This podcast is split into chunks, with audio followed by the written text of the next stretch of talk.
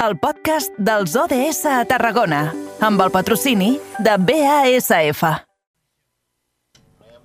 I nosaltres que el que fem és pujar la màquina del temps per anar fins a l'any 2030 amb els objectius de desenvolupament sostenible i l'agenda de les Nacions Unides. Fixem doncs la mirada en tot eh, plegat. Avui que el que farem serà anar fins a la Conca de Barberà. Abans, però, el que farem serà de nou parar dels estudis de la nova ràdio de Reu. David, bona tarda un altre cop. Bona tarda de nou, Eduard. Escolta, eh, deixem ara les bandes sonores de proximitat, eh, agafem eh, la màquina del temps, com deia, mirem fins a la Conca. A veure, quin objectiu de desenvolupament sostenible repassem? Doncs mira, avui tocarem l'ODS número 3, que és aquell que assenyala salut i benestar, i ho farem coneixent la sisena edició de l'Escola Comarcal de Famílies amb Persones amb Dependència, que se celebra a Montblanc. Va a càrrec del Departament Social del Consell Comarcal de la Conca al costat de l'àrea bàsica de salut del municipi de Montblanc. I avui ens acompanya la Laura Anglès, que ella és tècnica del Departament d'Igualtat del Consell Comarcal de la Conca, i ja la tenim amb nosaltres en via telefònica. Hola Laura, bona tarda gràcies per acompanyar acompanyar-nos. Bona tarda a tothom. Ara estàvem parlant d'aquesta escola comarcal, es va iniciar el passat 24 d'abril, que és quan es va donar el tret de sortida d'aquesta sisena edició. Explica'ns una mica com ha arrencat el projecte i quin perfil d'usuaris podem trobar-hi enguany. Doncs bé, el projecte arrenca després d'aquesta situació de pandèmia, situació d'urgència a nivell de salut, eh, perquè tot just eh, abans de, del confinament, abans que ens confinessin el mes de març del 2020, havíem iniciat aquesta sisena edició de l'escola, en aquest cas al municipi de Serral. Vàrem, fer, vàrem realitzar un parell de sessions a l'escola i vam haver, d'aturar-ho per la situació d'emergència sanitària. Eh, ha estat a, a partir d'aquí, en el moment de que, doncs, afortunadament, fruit de les vacunes i d'aquesta regulació de la situació sanitària, doncs que hem tornat a reemprendre, en aquest cas, la, la sisena edició una altra vegada, eh, que esperem poder-la acabar, però a Montblanc, al municipi de Montblanc, perquè justament és aquest any on trobem major eh, persones cuidadores, major nombre de persones cuidadores a la comarca. Possiblement, jo no sé si precisament... Uh, sí? Dic, senyora Anglès, dic precisament arran de la pandèmia, no sé si s'ha incrementat el nombre de persones cuidadores eh, que estan treballant dins d'aquest àmbit, no? Sí, nosaltres eh, treballem amb el col·lectiu de persones cuidadores familiars, que no professionals. D'acord? Uh -huh. I és cert que sí que som una comarca, som una comarca petita, som una comarca rural i les, les famílies que cuiden dels seus en situació de dependència, la veritat és que sempre ha estat un, un nombre força elevat de, de familiars. És per això que des, de la nostra, des del nostre Departament de Benestar Social vàrem ja en el 2008 ja vàrem iniciar els, els grups d'ajuda mútua per a persones cuidadores familiars, perquè veiem que era un col·lectiu eh, de, de risc per tota la sobrecàrrega física, emocional i mental que comporta el, el fet de cuidar un, un familiar. I quines són aquelles principals preocupacions que tenen els cuidadors? Perquè imagino que deuen ser bastant comunes entre ells. Sí, la veritat és que sí, que independentment de si cuiden a la seva mare, el seu pare, a vegades també són els sogres o algun altre familiar bastant directe, com pot ser un tiet, una tieta i fins i tot no, el marit o la muller, doncs la veritat és que el denominador comú en tots ells, eh, en, tot, en totes les persones cuidadores, tinguin l'edat que tinguin i cuidin a la persona que cuidin, el vincle que tinguin amb aquesta persona, el denominador comú amb totes elles és la sobrecàrrega, eh, el que us comentava uh -huh. fins ara. Són persones que d'alguna manera eh, la seva vida 24 hores al dia, 365 dies a l'any és estar a la cura, és estar cuidant a una altra persona i això fa que inevitablement i sense ells i elles adonar-se'n cauen en una claudicació i cauen també en una despersonalització, és a dir, al final eh, la seva vida és la vida de la persona que cuiden. I aquí és on comencen a haver-hi eh, diverses, diversos símptomes de salut, ja poden ser, com us deia, física, mental o psicològica. Mhm. Per això és important poder, poder fer aquest tipus de, de suport, que, que no li volem dir formació, perquè realment és un suport que, que oferim a les persones cuidadores des de l'àmbit de la salut. No? Som un equip de professionals multidisciplinar que, que els anem atenent setmana a setmana durant, durant dos o tres mesos. Uh -huh.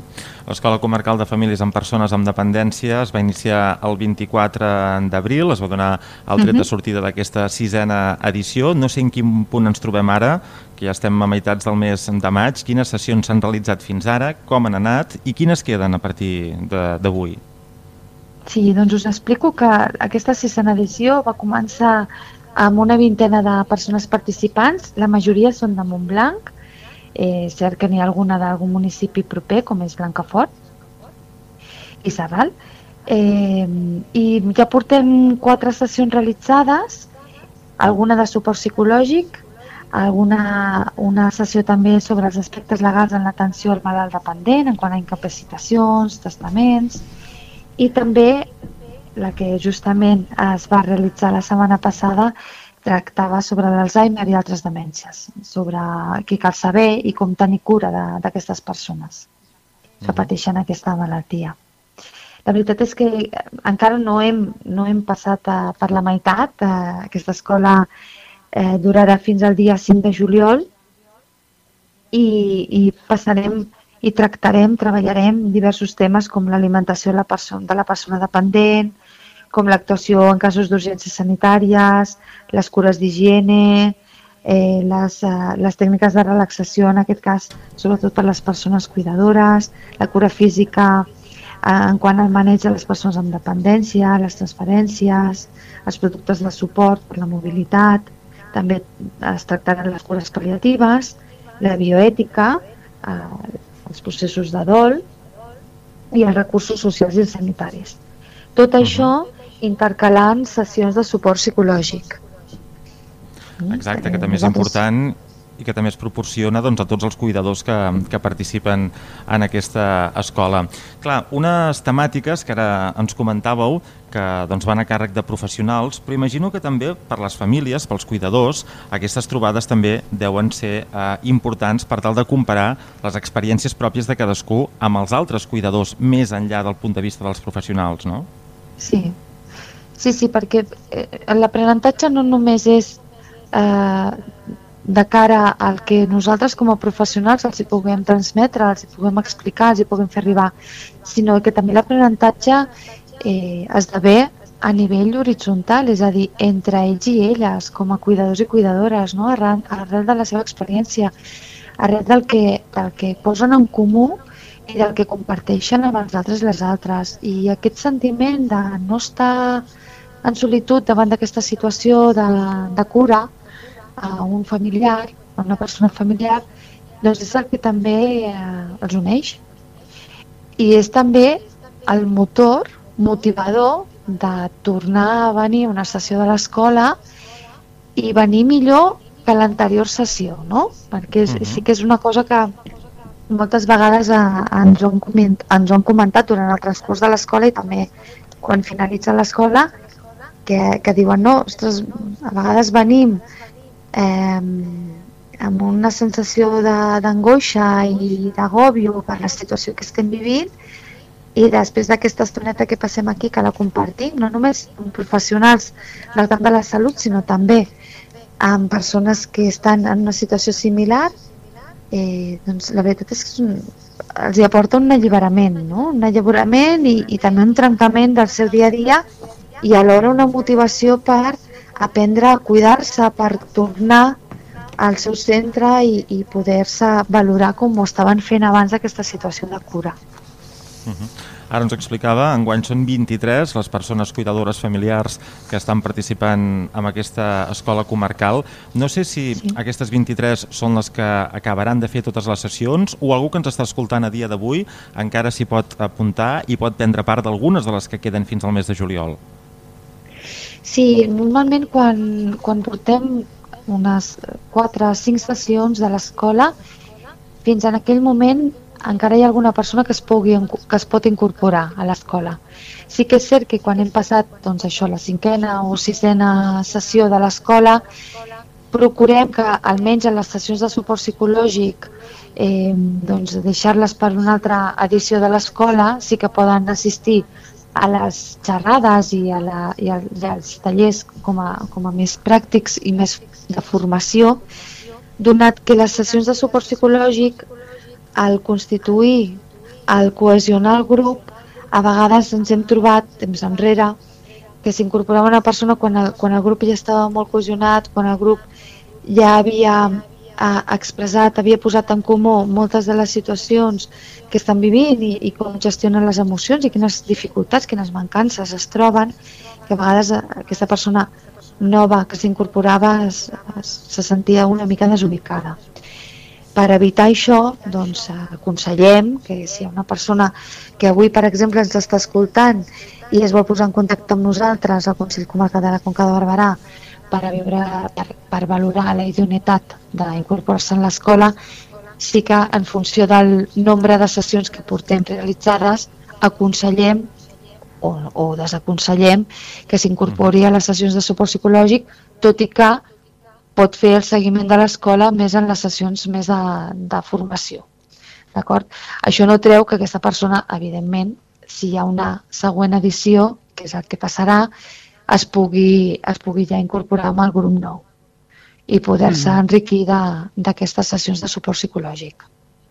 Ah, en aquestes sessions de suport psicològic per als, pels cuidadors, quines són les impressions més comunes o uh, uh, els trets que comparteixen aquells que hi, que hi prenen part? Doncs sobretot, sobretot el que comparteixen és que és una, és una tasca, és una funció que desenvolupen que els neix del cor que l'han decidit i triat la majoria de vegades ells o elles i que és una tasca que els hi comporta molt d'ells i elles. No? És a dir, l'aportació la, que han de fer a nivell personal és eh, moltes vegades, la majoria de vegades, sobrehumana. Per això, no? per la dedicació, per l'atenció que han de tenir amb aquella persona, no només perquè tinc una dependència física, que a vegades no és física, a vegades és mental o a vegades és un conjunt de tot plegat. Però sí que és cert que les persones cuidadores familiars també tenen una família. També tenen uns fills i unes filles, o tenen un marit i una muller, tenen també unes circumstàncies, n'hi ha que encara estan en una, en una situació d'activitat laboral. Llavors, mm. clar, eh, com la persona cuidadora familiar no? va transformant la seva vida, la seva rutina, el seu dia a dia a una altra circumstància, doncs a vegades no és un procés fàcil ni és un procés senzill. Té una complexitat a nivell emocional, a nivell de responsabilitats i a nivell de totes les relacions interpersonals que té aquella persona, no? Doncs, ah, ah. sobretot en les primeres sessions, és, és de les principals coses que comparteixen, no? Com, com ha canviat la seva vida abans i després de, del fet de cuidar a, un, a una persona eh, amb un vincle sentimental. Ah, entenc que per això és eh, molt important o que eh, reconforta no? el, el, el, el cuidador que pren part al fet de poder compartir i veure que passa per una situació similar també a, a, a d'altres cuidadors, sí, allò que sí, diem sí. moltes vegades de, de fer tribu. Sí, sí, sí, sí, sí. És, és així, eh? és així tal, tal qual amb, amb l'expressió de fer tribu. És el, el no sentir-se sol o sola davant d'aquella situació, tot i que cadascú, evidentment, va a casa seva i, i té la situació i les eh, característiques de la situació a vegades molt diferents però hi ha aquests denominadors comuns, no? Hi ha, hi ha aquestes situacions comunes que fa que quan un, una persona escolta l'altra es senteixi amb el cap i, i se senti reconfortat i pugui empatitzar també amb l'altra persona, amb la persona que està explicant. I la veritat és que aquesta energia que genera en el grup doncs és molt sanadora, és molt reparadora també i, i alhora és, és molt gratificant perquè se senten acompanyats i acompanyades. i perquè aprenen, s'enriqueixen d'experiències de les altres persones que després les poden portar a les situacions que estan vivint. I, i és una de, també de les, de, la, de les coses bones que té l'escola. No? Mm. Poder-se enriquir aquesta- entre ells. Mm. Uh, dèiem, l'Escola uh, Comarcal de Famílies amb Persones amb Dependència uh, celebra ara mateix uh, la, la seva sisena edició pel, pel, pel que uh, hem entès o, o, o pel que hem intuït al llarg de la conversa, hi haurà una setena edició, vull dir que és un projecte amb continuïtat, eh? Sí, sí, sí, i com us explicava abans, eh, a l'escola la primera edició neix de bastants grups d'ajuda mútua, eh, en aquest cas les va, els vam iniciar dirigits a dones cuidadores no professionals, eh, que hem anat passant per diferents municipis de la comarca, com Montblanc, com l'Espluga de Francolí, com Santa Coloma de Caral, com Serral, i que mica en mica, eh, a través d'aquests grups d'ajuda mútua, vam veure la necessitat de fer un pas més enllà, de donar-li un pes eh, més sòlid a, a, a la- a aquestes persones cuidadores de familiars i va, va ser el 2015 quan vàrem iniciar la primera edició de l'Escola Comarcal de Persones Cuidadores. I d'aquí fins, fins a dia d'avui, i que sí que la nostra voluntat és la de continuar tenint aquest, aquest col·lectiu que tant ho necessita i, i que nosaltres també a nivell professional també ens reconforta molt poder-los sí. atendre. I si nosaltres des de Carrer Major ens en podem fer ressò, doncs eh, eh, encantadíssims. Eh, així que ja ho saben aquells que ens estiguin escoltant des de la Conca de Barberà. Eh, L'Escola Comarcal de Famílies amb Persones amb Dependència eh, està en marxa en el marc de la seva sisena edició des del passat 24 d'abril. Aquells que en vulguin saber més, que es posin en contacte amb el Departament d'Igualtat del Consell Comarcal de la Conca. Agraïm moltíssim eh, a la seva tècnica, la Laura Anglès, que hagi atès la trucada del programa en xarxa Carrer Major. Molt agraïts. Moltíssimes gràcies a vosaltres per ajudar-nos a fer-ne ressò. Moltíssimes I tant, gràcies i fins aviat. Ens tenen aquí pel que convingui. Fins aviat. Gràcies.